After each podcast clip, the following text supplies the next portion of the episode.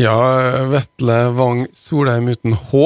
Du eh, er jo fra Smøla, men du har jo vært en liten periode her i Kristiansund eh, også? Ja, altså som, eh, som smølværinger, eller ungdommer flest på Smøla, så går på videregående her i byen. Så 16 år flytta vi på, på hybel. Så det var jo tre år på videregående på Atlanten. Det tror jeg egentlig var den beste tida i livet mitt. Det var fantastisk artig, rett og slett. Ja, og som alle andre hybelboere, så var det der eh, forspillet til klassefesten var?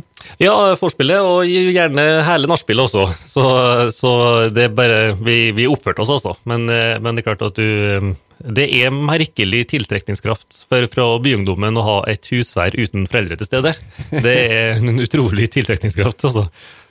Så det var morsomt. Men du du, du, er jo ikke mm, Du var jo en del år i kommunestyret på Smøla, men du mm. tok ikke en liten mellomstopp eh, på fylkesting og sånn først? Eh? Nei, jeg, jeg, gjorde ikke det. Eh, når jeg var ferdig i Forsvaret i, i 2013, så satt jeg jo fortsatt i, i kommunestyret og formannskapet på Smøla. Så har jeg jo satt der i seks år. Og så mm, flytta jeg til Oslo for å studere. Og så var, vi hadde mye flinke folk på fylkestinget, og, og um, egentlig så hadde jeg jo mer enn nok med å sitte i kommunestyret og kombinere det.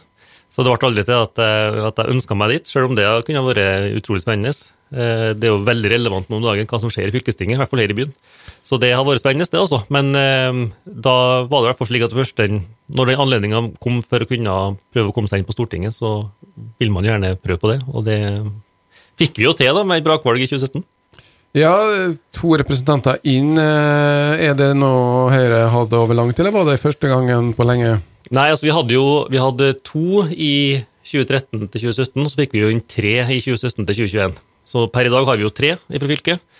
Eh, nå mista jo eh, Mørebenken et mandat totalt sitt etter at vi har gjort opp ny folketelling her, her, i landet. Og det er ikke fordi at vi mista så mye innbyggere, eller at folketallet vårt går så mye ned, men det stiger så mye mer i sentrale strøk, og da, da, endres Stortinget. Så nå er det åtte mandat til fordeling. Det siste er jo et utjevningsmandat, så for de fire store partiene i fylket så er det jo sju mandat til fordeling, og da skjønner alle sammen at eh, noen av oss som står på andreplass nå, eh, blir ikke å se i Oslo. Ja. Men det er jo Senterpartiet, Arbeiderpartiet og Høyre da, som er størst, og som har mest sjanse for å kanskje få inn to mandater. Mm. Du står på andreplass. Eh, hvordan eh, Greide du kunststykket å bare komme på du, Hvor var du i forrige valg? To eller tre? Da var jeg på tredjeplass. Så da, da um, ble det jo slik at Venstre gikk ut, og, og vi fikk et ekstra plass. Så da, da ble det egentlig litt sånn um, si winner takes all, men uh, det partiet når, når, Venstre jeg tror det var rett og slett så enkelt som at når, når, Venstre ikke fikk flere stemmer enn de gjorde, så ble det største partiet Møre og Romsdal. Og det ble jo da oss, det kunne vært noen andre òg. Eh, men uansett ville da det største partiet fått det tredje mandatet, da, det som er da på åttendeplass i dag. Stortinget du er relativt ung til å være på Stortinget. Hvordan har det vært? Ja, altså det, vi, vi, er jo faktisk en, begynner jo å bli et ungt storting. Eh, det Stortinget som vi har nå, er jo det, det yngste noen gang. Um, og det har vært interessant, det også. Jeg lærte meg allerede i formannskapet på Smøla tidlig å holde kjeft. Eh, for det er ofte slik at vi, vi som er unge, vi dundrer litt på og føler kanskje at vi har litt mer erfaring litt mer å komme med da, enn, enn det vi tror. Eh, så det husker jeg kjølig godt. at En av de første formannskapsmøtene på Smøla, så, så lærte jeg meg tidlig å holde kjeft, for da begynte jeg å utbrodere noe.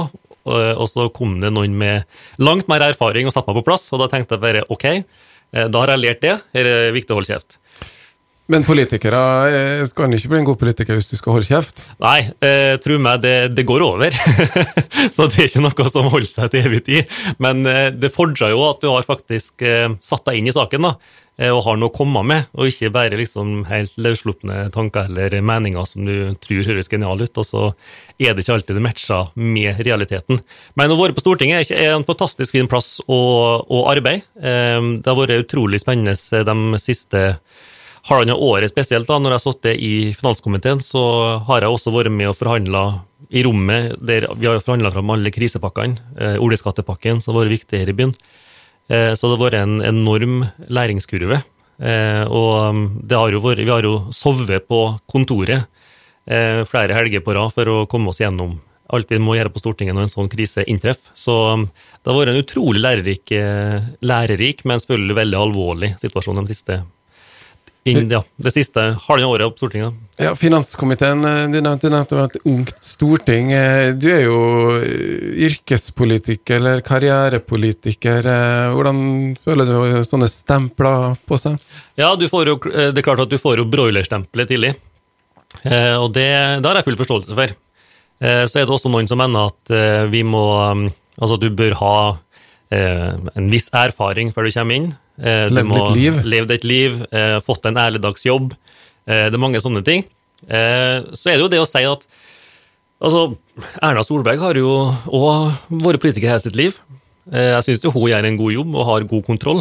Og det er jo fordi at hun har såpass lang erfaring som hun har. Eh, hvis du ser på de politikerne som har de store nasjonale vervene, så har jo de sittet på Stortinget innmari lenge, vært med i politikken lenge. Eh, jeg mener at det er et gode eh, at det er folk som faktisk ønsker å, å ha et verv såpass lenge, og som går til gjenvalg og, og, ønsker å bli kjent med saken i dybden. fordi at hvis f.eks. en krise inntreffer sånn som gjorde 12.3 i fjor, så skal du ha litt ballast som politisk leder fra før av for å faktisk tørre å gå til det skritt å stenge ned landet basert på nesten ingen informasjon. Det eneste som bekymrer meg litt nå, er altså jeg er innmari glad for at vi får inn mange unge på Stortinget, og at det, liksom, det er viktig og bra, men jeg er helt eh, tydelig på at jeg også er litt bekymra for om vi får for få eldre inn på Stortinget. Eh, det er jo ikke representativt, da, for at, eh, det er jo flere over 70 år nesten enn som er mellom 20 og 30 i dag. Så, mm. Sånn sett så lider jo litt Stortinget under det. Men det handler jo Det kanskje folk savner, da, er å føle litt på Det er jo konsekvenser av politikken da, som du aldri har følt på, for du har alltid vært en del av politikken. Og um, den biten av uh, livets erfaringer som Føler du ikke at du skulle ha vært ute der en uh, periode? Um, Fått deg en ordentlig jobb? Ja, ikke sant. Jeg mener jo at det å være på Stortinget er en god jobb. Å være en representant i Norges nasjonalforsamling er også en Men dere er privilegerte å ha millionlønn? Ja, altså Vi har jo et verv eh, som vi stiller til valg hvert fjerde år for å få gjenvalg til. Eh, så noe fast jobb har vi ikke, og vi har heller ingen sjef. Eh, så Sånn sett så, så, er vi jo privilegert når vi blir innvalgt på Stortinget. Men eh, det er jo muligheter for alle sammen å stille til Stortinget hvis man ønsker det privilegiet. Eh, å være like privilegert, som du sier, som, som, meg, så er det jo bare for folk å stille. Men, og det håper jeg egentlig at flere gjør òg. Engasjerer seg i politikken og faktisk ønsker å stille til Stortinget. Men det er, helt med, det er ikke representativt i dag, for det, det er en skjevfordeling mellom yngre og eldre på Stortinget, sånn som det er nå. Hva var det som fikk deg inn i politikken da, på Smøla? Ja, det som fikk meg inn i politikken på Smøla, det var at den lokale skolen i bygda der jeg bodde, var trua av nedlegging. Og det var Høyre imot. Og så ble jeg spurt om jeg ville eh, engasjere meg i partipolitikken, og så sa jeg ja til det. Eh, og så har det jo balla på seg, da. Fra den gangen. Men da er et paradokset dukker opp. Eh, en Høyre-politiker lokalt som egentlig kjemper mot sentraliseringa, gjør du ikke det? Gjorde du ikke det da? Hvordan, og Høyre er jo kritisert for, og den regjeringa som er nå, er jo det er jo et parti som eh, i hvert fall bruker mye energi på å forklare sentralisering som eh, et problem. Eh, hvordan tenker du om det? Når det gjelder så det, det foregår mye eh, samlokalisering av ulike tjenester i kommunene i dag, også kommuner som er styrt av Senterpartiet. Eh, og på Smøla så um, var vi jo ikke enige, så det var jo til slutt Arbeiderpartiet som gikk til valg på å samle alle skolene til å bli én stor felles skole. Eh, og de fikk oppslutning for det. Så på Smøla så var det jo, i velgeroppslutning i alle fall, en ønska utvikling. Eh, men det skapte en del utfordringer for dem som bor langt unna. Så i kommunene så det jo per i dag at man bygger store helsehus nærmere sentrum for at eldre ønsker nærhet til tjenestene. Eh, man bygger gjerne store skoler for at det er for få unger som går på de skolene man har, men det er jo et lokalpolitisk ønske og vedtak. Nasjonalt så mener jeg at det blir mye snakk om f.eks. sentralisering av politiet. Altså, eh, et lensmannskontor representerer ingen beredskap. Et lensmannskontor, etter at eh, det er stengt, rykker ikke ut på oppdrag. Det er kun en politipatrulje som gjør det. Men det er jo ofte en lensmann som kanskje bor i nærheten? Ja, men etter at vi har fått en moderne arbeidsmiljølov, så står ikke lensmannen lenger på bakvakt og rykker ut på natt og dag, og du ringer lensmannen direkte. Det er en svunnen tid. Jeg er helt enig i at det er viktig å ha eh, lokale politikontor for eh, lokalkunnskap, kontakt med kommunene. Eh, det, det, er jeg helt enig i. Eh, men hvis noe virkelig skjer, så er det faktisk en politipatrulje som rykker ut og hjelper deg. Eh, det er ikke et lensmannskontor. Så håper er et par timer om dagen et par dager i uka. Beredskap, eh, noen som rykker ut. Du er fra Smøla, og Smøla Aure er jo de kommunene som kanskje det er flest fødende som er veldig bekymra for da det tilbudet av sykehustjenester og fellessykehuset som er vedtatt, eh, det ligger jo langt unna Smøla. Eh, hva med sykehuset i Kristiansund? Hvilken eh, plass har det i framtidig helsetilbudet? Det, det, skal jo være et stort tilbud som er igjen på SNR Kristiansund. Men det er fødetilbudet jeg snakker om her, som eh, folk altså, vil gjerne ha? For å være helt ærlig, jeg er fra Smøla. Jeg kjenner mange av dem som blir berørt av det. Jeg synes dette er en utrolig vanskelig sak. Eh, Beslutninga om å slå sammen eh, de to sykehusene var tatt av den rød-grønne regjeringa i 2012. Da skulle det bli ett sykehus, bynært én av byene. Eh, vi, vår regjering i 2014, lenge før jeg kom inn på Stortinget, fatta beslutninga om hvor det skulle ligge, og nå holder vi i gang på å bygge det. Det er en utrolig vanskelig balansegang mellom nærhet til et tilbud og kvaliteten på det tilbudet du får. Altså Det å ha nærhet til et dårlig tilbud, det tror jeg ingen som ønsker. For at hvis du først trenger å føde og skal på en avdeling, så må du vite at hvis det skjer komplikasjoner, så er det en akuttberedskap i bakgrunnen. Det er leger som håndterer mange unger, som har et volum, som er øvd og trent. Eh, det målet oppnår vi i alle fall ved å samlokalisere eh, de to fødeavdelingene som vi har i dag, Eh, til det felles sykehuset på Hjelset. Det som, det som er største utfordringen i dag innenfor føde, det, det, ene er at vi må, ha, vi må ha flere jordmødre. Det har det blitt, slik som, som, kan følge dem som er gravid og skal føde på tur inn til sykehuset. Det andre er at det å rekruttere nok folk til å ha en fødeavdeling og en akuttavdeling, for du må ha begge deler samtidig, du kan ikke bare ha én av delene, du må ha begge deler. Eh, det er utrolig vanskelig, og hele Norge og nesten hele Europa krangler om de samme fagfolka. Vi skal utdanne flere, ja, men etter hvert som folketallsveksten øker, eh, og vi trenger flere og flere, og mye av veksten skjer i sentrale strøk, så eh, blir det å rekruttere til Nordmøre og Romsdal og utenfor de store sykehusene ble større og større utfordring. Det ble gjort en kjempeinnsats med å rekruttere nå for å få åpna avdelinga her igjen fra 1.12. Eh, men det er jo skjørt når man vet at man må hente inn folk fra liksom, Øst-Europa for å få det tilbudet opp og gå. Eh, og jeg er jo da redd for hvordan vil det se ut på sikt hvis vi hele tida skal gå gjennom en sånn usikker tid, hvis f.eks. når vi bytter jobb. Vi kan ikke tvinge folk til å jobbe her. Vi kan ikke tvinge folk til å bli gynekologer. I gamle dager så hadde du jo en eh, ordning med at du ble tvunget som lege til å jobbe på distriktet. Nå er det vel større valgmuligheter. Det er jo noe som dere har vært med på ja, altså, å lette opp på. Ja, når det, når det, det gjelder jo fastleger, da. Ja. Eh, men dette er jo spesialister som er ettertrakta overalt, og de blir ikke tvinga til å jobbe. Eh, måtte, de blir ikke satt til å jobbe noe sånn. Eh, og, og de, selv om de sier at de ble satt til å jobbe en plass da, i en periode, så kan de likevel skifte jobb etterpå. Men da har du i hvert fall de legene som skal ut i praksis, de kan i hvert fall eh, si at du må jobbe de to årene eh, et bestemt sted. Ja. Eh, likevel så er etterspørselen av deres kompetanse mye større enn at vi får dekka opp hele Norge. Altså Hvis vi rekrutterer gynekologer hit, så, så, er det gjerne det at vi tar det fra et annet sykehus, eller at vi utdanner noen. Det siste er jo selvfølgelig det, det beste, at men, vi får utdanna flere. Men jeg forstår ikke det her. Folk vil jo bli leger. Ja. Så her handler det jo bare om å begynne å utdanne enda flere, da. Ja, og vi, vi utdanner mye leger i dag òg, men for å bli den legen du trenger på en fødeavdeling og på en kutteavdeling bak, så tar det gjerne ikke, åtte år sikkert for å få spesialisering, enten da som gynekolog, og så må vi ha kirurger og indremedisinere i bak som kan ta unna eventuelle komplikasjoner. Eh, så selv om vi så hadde starta med det store løftet, da, og vi gjorde det når vi kom inn i regjering, men det betyr jo at først nå høster man resultatet eventuelt av at du har fått opp flere som spesialiserer seg. Så det tar lang tid Ja, men det her har vi visst lenge, at vi har fått eh, en aldrende befolkning, at behovet for helsetjenester Vi trenger ikke ha hovedfag eh, for å skjønne at når folk blir eldre og mer syke, så vil vi ha tjenester. Så det her er jo greit for deg som er ung, som på en måte kan si at jeg, hvor var politikerne for eh, 20 år siden, når man egentlig burde ha starta med den jobben der, hører jeg.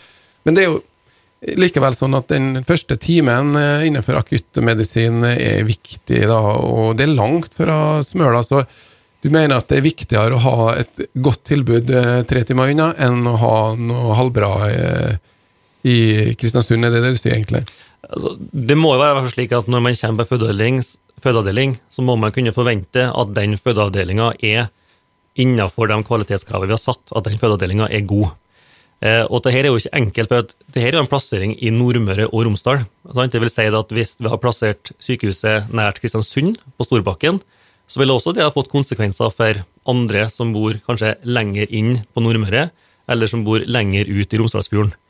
Eh, og jeg kommer fra Smøla, men jeg representerer hele fylket. Det er ikke en enkel balansegang. Uavhengig lokalisering så ville det ha vært noen som har fått lengre reisevei. Eh, jeg er utrolig klar over hvor um, usikkert og hvor, um, hvor um, kjipt det her er for uh, dem som kommer fra Smøla og skal føde. Uh, og jeg kjenner mange av dem personlig, så jeg synes det er en utrolig vanskelig sak. Men den beslutninga om at vi skal samlokalisere det her, ble fatta før jeg kom inn på Stortinget. og Per nå så er jo på en måte både regjeringa og Arbeiderpartiet har jo sagt det som at det her skal samlokaliseres i et nytt felles sykehus på Hjelset.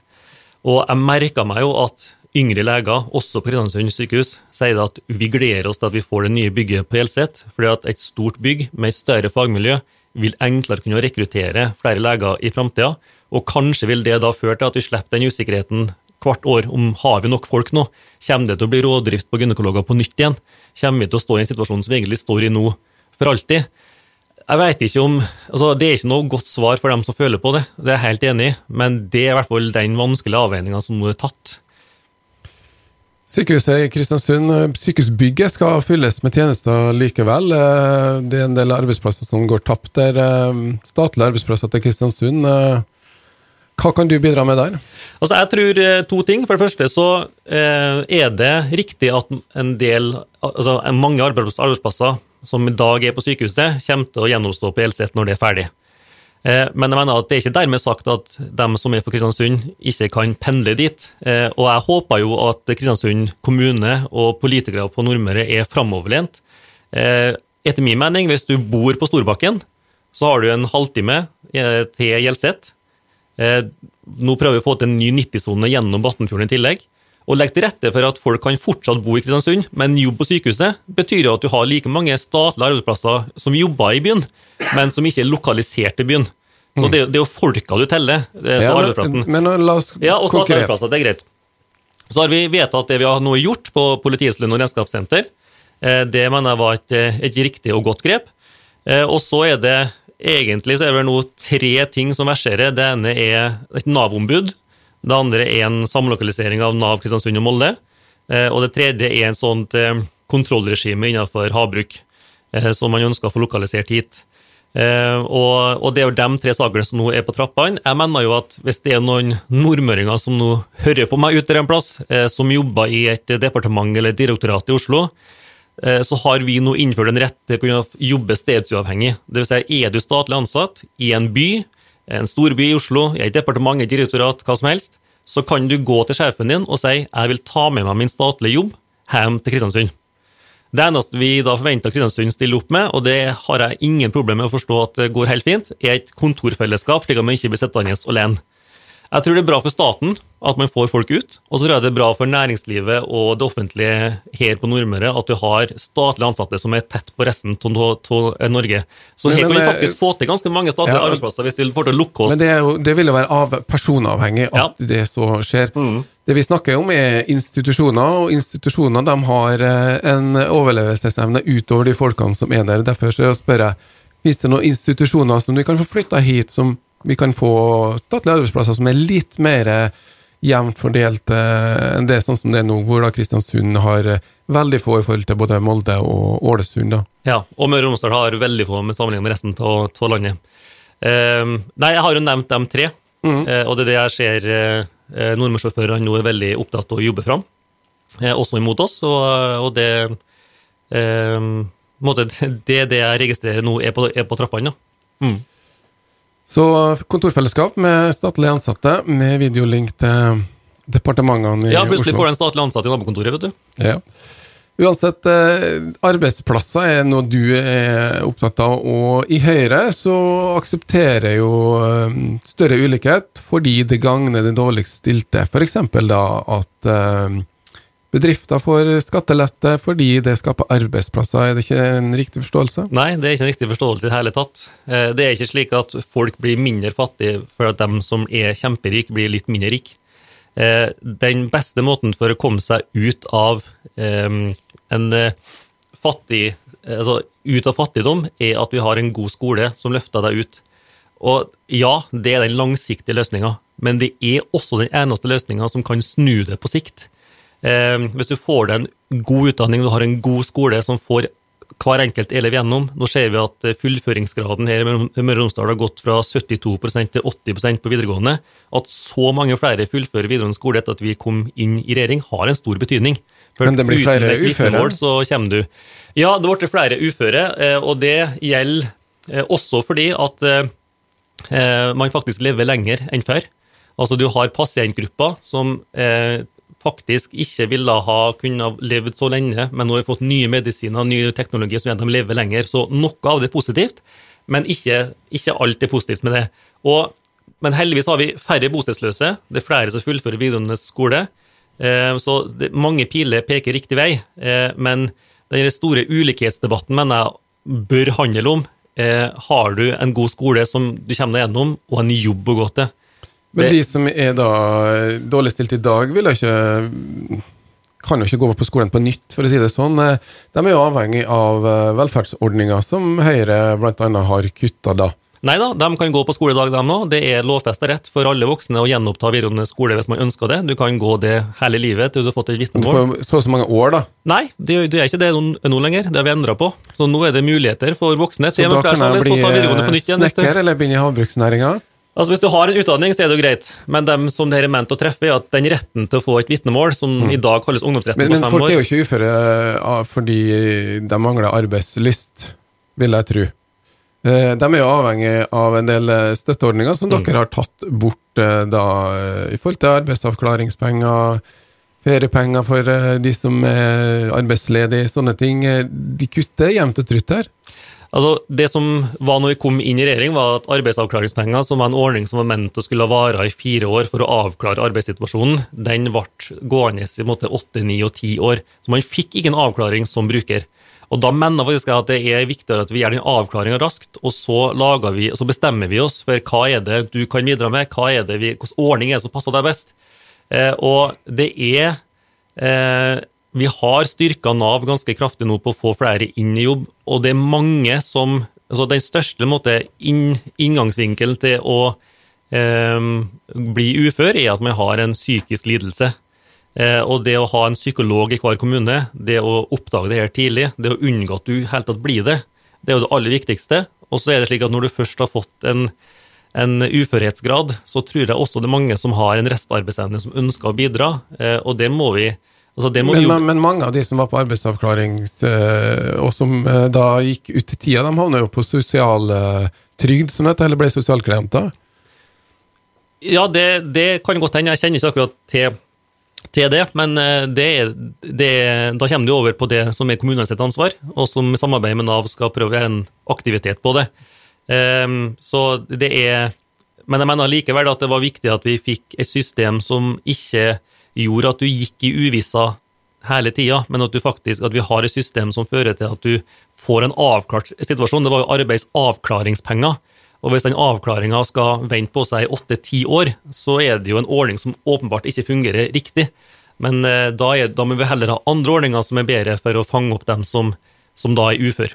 Men eh, bostøtte har de kutta i. eh, Gjort det vanskeligere i forhold til eh, barnehagekostnad. Eh, det her er jo eh, da tjenester som de som har lite, de får enda mindre.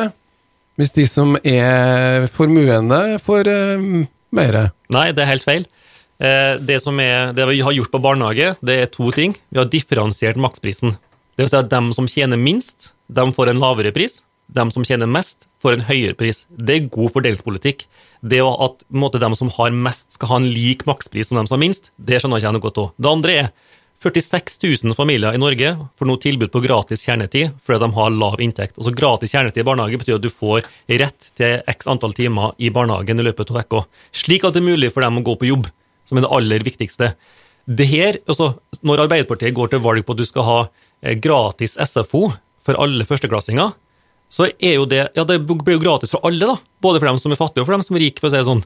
Eh, og, og, det skjønner jeg ingenting av. Jeg er jo mye mer opptatt av dem som har mye penger, de skal selvfølgelig betale mer, men det aller viktigste er at de som har lavest inntekt, får eh, mer hjelp, at du målretter tiltakene, ikke til alle, men til dem som har eh, minst å rutte med. Og det er jo det som er Høyres politikk, at du skal løfte dem som er i bunnen. Men likevel så støtter dere eh, kontantstøtta? Nei, nå har vi faktisk gått inn for å fjerne den på landsmøtet i mai, eh, og, og, foreslått å, å, innføre en ventestøtte i stedet for. Slik at eh, eh, hvis du da er i en situasjon der du må vente et par måneder til å få barnehageplass, eh, som mange kvinner er, og det kommer litt an på når du er så heldig å få føde i løpet av året, eh, så skal du få muligheten til å, hvis det passer din situasjon, eh, søke om å få en ventestøtte fram til at eh, barnehage starter. Og det kan jo både gjelde mor og far. Og kan de til og med dele på det. Så vi gikk vekk fra kontantstøtta nå i år, og ønska da heller gå inn for en sånn ventestøtte. Så nå er KrF alene om den saken. KrF er alene om det. Men eh, barnefattigdom er jo eh, Skal ikke si om det er økende eller ikke, men det er, det er et problem for ja. dem som, føler, som har eh, en stor familie og mm. liten inntekt. Mm. Hvordan, hva gjør man i forhold til dem?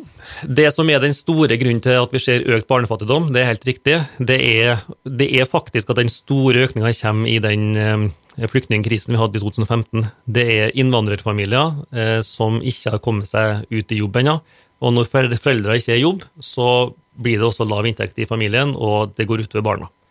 Eh, så her er det, det, det monner mest, er å sørge for at vi har en god integreringspolitikk, der vi sørger for at dem som kommer til landet, og som bidrar noe enormt altså, til, til velferdssamfunnet vårt Jeg ser det på Smøla, hvor eh, mye dem som er så, vi er så heldige å få til Smøla, hvor mye de bidrar. Eh, så det er utrolig positivt, men den må bli integrert. Man må stille krav til at man skal fullføre norskopplæring, samfunnsfagsopplæring, og så må vi eh, være eh, mye mer tett på arbeidsgivere til at de kan få prøve, prøve seg, og at man kan få teste ulike yrker. Og så er det heldigvis slik at mange av de ungene kommer inn i et godt skoleløp og blir gode venner med dem som allerede er fra før. Og det tror jeg også er positivt på sikt for dem. Da falt jo argumentasjonen min i forhold til at kontantstøtte er jo det som holder ja. mange hjem, da, eh, og ikke får dem ut i arbeid. Nå har dere jo måttet støtte dere til KrF. Eh, og i framtida, hvis de skal sitte i regjering eller få makt, så må man jo kanskje støtte seg på KrF. Eh, hva kan man gjøre, selv om du sier det sånn og sånn, så vil det jo kanskje ikke være mulig til en hjertesak for KrF? Ja, det er en hjertesak for KrF, så det vil jo eventuelt en regjeringsforhandling måtte si. Eh, men det er en del positive sider ved kontantstøtten. Jeg synes at Den mest negative er det du peker på nå, nemlig at eh, du kanskje i for stor grad har altså Det er gjerne innvandrerkvinner som velger å ta den ordninga i bruk, eh, og det gjør at man ikke kommer seg i jobb eller ikke har ungene i barnehage. Men det er også en valgfrihet for familiene, som på andre sida, som er positiv. Vil si at man kan gå hjem med en ettåring litt lenger i stedet for å gå i barnehage hvis man ønsker. Og den kontantstøtten man får, er jo, er jo, koster jo mindre enn den barnehageplassen man eventuelt får tilbud på. Eh, så, så, for, for, samfunnet så er det, men det er også et gode at foreldre får lov til å velge litt hvordan ordne sitt eget liv. Eh, men eh, vi har endt på at vi nå innfører en ventestøtte i stedet for. Høyre Kristiansund, det er veldig lite, lite oppslutning. Og her i Møre og Romsdal så er vel Høyre-gruppa i Kristiansund ganske litt tilbake. Så hvordan er egentlig Møre og Romsdal eh, for um, Høyre? Det virker som det er Ålesund og Molde dere skal få stemmer? Altså, Vi har jo våre største parti med flest velgere i ryggen i 2013 og 2017 i Møre og Romsdal. Um, og vi gjorde et godt valg her i Kristiansund i 2013. Uh, og så alle forstår at uh, etter at man da ender opp med å lokalisere sykehuset til Hjelset, bynært Molde og ikke bynært Kristiansund, eh, så har jeg så Man har jo full forståelse for at man reagerer på det ved å ikke stemme på Høyre hvis man ønsker å ha sykehuset nært seg. Jeg òg ønsker å ha sykehuset til Kristiansund, altså nærmest mulig byen, for jeg er fra der jeg er. Men så ble det lokalisert til Hjelset, og da tenker jeg at det er, det er naturlig at man, hvis man er uenig i den lokaliseringen, så, så stemmer man imot ikke på Høyre, som har fatta beslutninga. Mens eh, høyrelaget vårt i byen her er jo utrolig flinke folk som står på knallhardt. Eh, de står på i bystyret med de to representantene som vi har. Eh, både Torbjørn og Idar er kjempeflinke folk som jobber steinhardt. Så, så vi er en, en, utrolig positiv og fin gjeng eh, som, som, er her i byen. Og jeg mener også at det, det, blir mye snakk om om eh, selvfølgelig om sykehus, om Møreaksen, om statlige arbeidsplasser, om alt det som kan vedtas. Eh, så tror jeg også det er viktig at vi får til å snakke mer om det som skapes. Eh, og det er jo næringslivet som skaper jobbene som alle de andre jobbene lever av. Altså, har du ikke et næringsliv som blomstrer, som gir skatteinntekter til staten, så er det umulig for oss å sitte på Stortinget og vedta noe som helst. Um, og jeg mener at uh, Høyre her har vært utrolig flink på å tatt fram næringslivet og hvor viktig de er uh, med den vanskelige jobben som det å faktisk skape jobber. For det å vedta er lett, det å skape er vanskelig. Men det er jo det mitt inntrykk av Høyre er jo et parti for eh, bedriftsledere og folk som har noe. Som har verdier. Ja, men det er ikke sant. Altså, vi er jo et parti som har uh, altså mellom 20 og 25% av Det finnes ikke altså Alle, alle velgere så er det ikke så mange. Det er ikke 27% i 2013 som er bedriftsledere av alle velgere. Det er snakk om 800 000 stemmer. Eh, så jeg vil gjerne ha flere bedriftsledere, men så mange av dem er det ikke. Eh, Høyres viktigste saker det er å skape flere jobber, men det er en god skole og det er et godt helsevesen når du har valgfrihet. Og formuesskatten. Reduser den. Ja, det er riktig. Formuesskatten på arbeidende kapital. Og det skillet som går her. Vi er ikke for å kutte formuesskatten på luksusbiler og hytter på fjellet og ulike sånne ting. Hvis du ønsker å ta ut penger fra næringslivet og kjøpe deg store båter, selvfølgelig skal skattlegges. Skulle bare mangle. Men hvis du har penger investert i maskiner, i aksjer i næringslivet, altså penger som fører til at uh, du kan skape flere jobber, og du som nordmann må betale en sånn skatt, men en utlending som driver samme virksomhet tvers over Vågen, skal slippe unna, det mener jeg er soleklart urettferdig.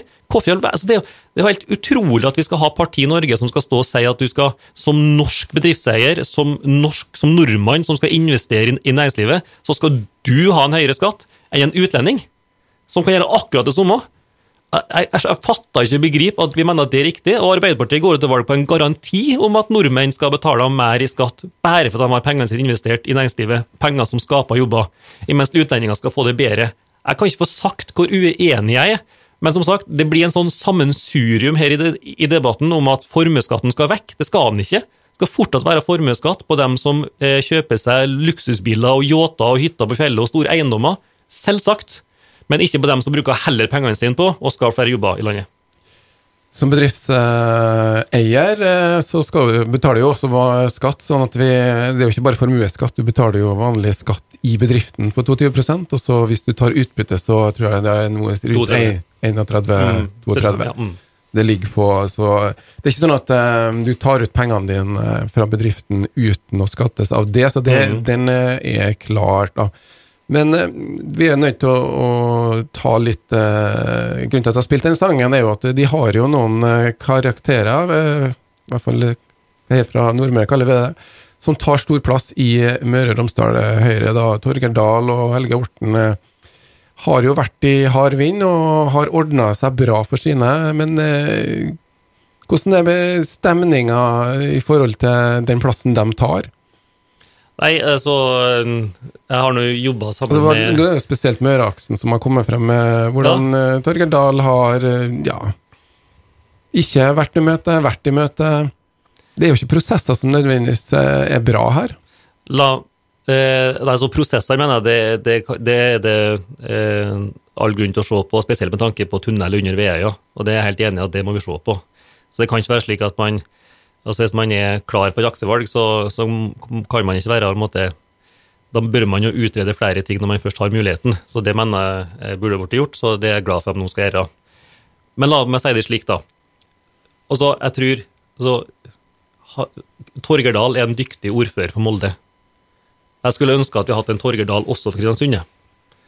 Eh, Helge Orten, sjøl om han kommer fra der han kommer, så har jeg jobba med han nå i åtte år. Han er en mann som ser hele fylket. Det er helt riktig at han bor på Misund, men jeg, jeg på Smøla vil jo òg jobbe for at Smøla skal få fastlandssamband. Men ikke på bekostning av noen andre. I 2017, Fram til 2017 så var hele fylket enige om at Møreaksen var det første prioriterte. Det var gjennom tre fylkesting, det var gjennom nå det tredje Stortinget. Eh, dette her er jo ikke noe man måtte ha klart å karre seg til på bakrommet. Dette er jo noe som ble jobba med i 30 år. Eh, lenge før jeg kom inn i politikken. Jeg var ikke født engang når det her begynte. Jeg mener at det er mye viktigere på Nordmøre at vi bruker all vår energi på å jobbe fram at Harstadfjorden skal komme så langt fram i køa som mulig. Hvordan man ønsker å krysse fjorden i Romsdalen, det føler jeg med at det er bestemt. Det er der det er lagt. Eh, men det aller viktigste nå er jo hvilket prosjekt kommer neste? Hvilket prosjekt kommer neste på Nordmøre? Hva er det, det Nordmøre nå ønsker å få på plass? Og det neste store prosjektet på E39 for Nordmøres del er jo Halstadfjorden. Og den jobben begynner nå. Det er nå vi begynner å jobbe med å få den så langt fram i køa som, som mulig. Hvis de bruker 30 år, så må vi nesten bare komme i gang med å jobbe fram de prosjektene som vi vil ha.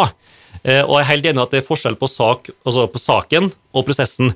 Og jeg har alltid sagt at enn hvis vi var så heldige at vi har fått en, møre, altså en nordmørsakse Altså hvis E39 har gått gjennom byen vår, ut til Aure, og Smøla har hatt nok penger som Aukra til å bygge seg en tunnel over, da har det vært fantastisk. Vi har ikke kommet og sagt nei til det, noen av oss. Og det er akkurat sånn som skjer nå med Møreaksen. Du får knytta inn Aukra, olje- og gassindustrien, store hydrogensatsinger, og du får fjerne to fylkeskommunale fergesamband, som gjør at fylkeskommunen også har bedre økonomi. Løft man aldri ville ha tatt sjøl. Ville vi på Nordmøre sagt nei til 20 statlige milliarder for å ha tatt vekk Seivga, Tømmevåg, Ede og Sandvika? Nei. Nei, eh, men det du sier egentlig, at eh, det å drive nå, jobbe for en eh, omkamp opp Møreaksen, fører bare til at andre prosjekter her på Nordmøre kommer lenger bak i køa? Nei, det sier jeg ikke. Jeg sier det at hvis man ønsker å realisere Halsafjorden så snart som mulig Neste er Todalsfjordprosjektet. Ja, det er fylkeskommunalt. Så på E39 fra staten så er det liksom to prosjekt som gjenstår her i, i fylket. og Halsafjorden er en av dem.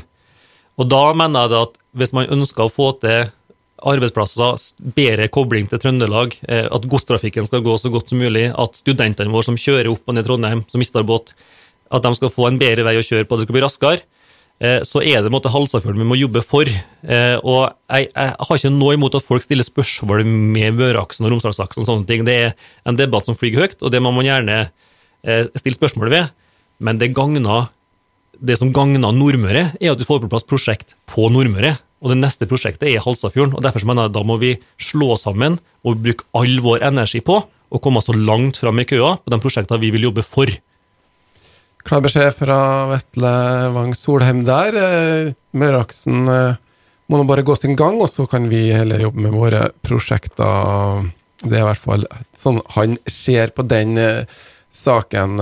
Ja, hva har du trua? På Høyre og regjeringsskiftet, det ser dårlig ut? Ja, målingene eh, Hvis vi spoler tilbake i 2017, eh, så meldte Dagbladet for et par dager siden, i 2017, eh, at det var 11 sjanse for at Erna skulle bli gjenvalgt. Så skjedde mye den siste halvannen uka. Dette er på ingen måte avgjort. Og jeg ser på partilederdebatten, eller duellen i går kveld, den roen og den tryggheten og den kunnskapen hun har, og den tror jeg er veldig bra for landet å fortsatt ha. Så jeg har helt klart trua. Vi har så mye som vi ikke er ferdig med. Eh, og det er så mye kaos på venstresida. Du vet ikke hvilke regler du får, ikke hvilken politikk du får. For byen her er jo livredd for at MDG får en vippeposisjon og en hånd på rattet med tanke på oljepolitikken.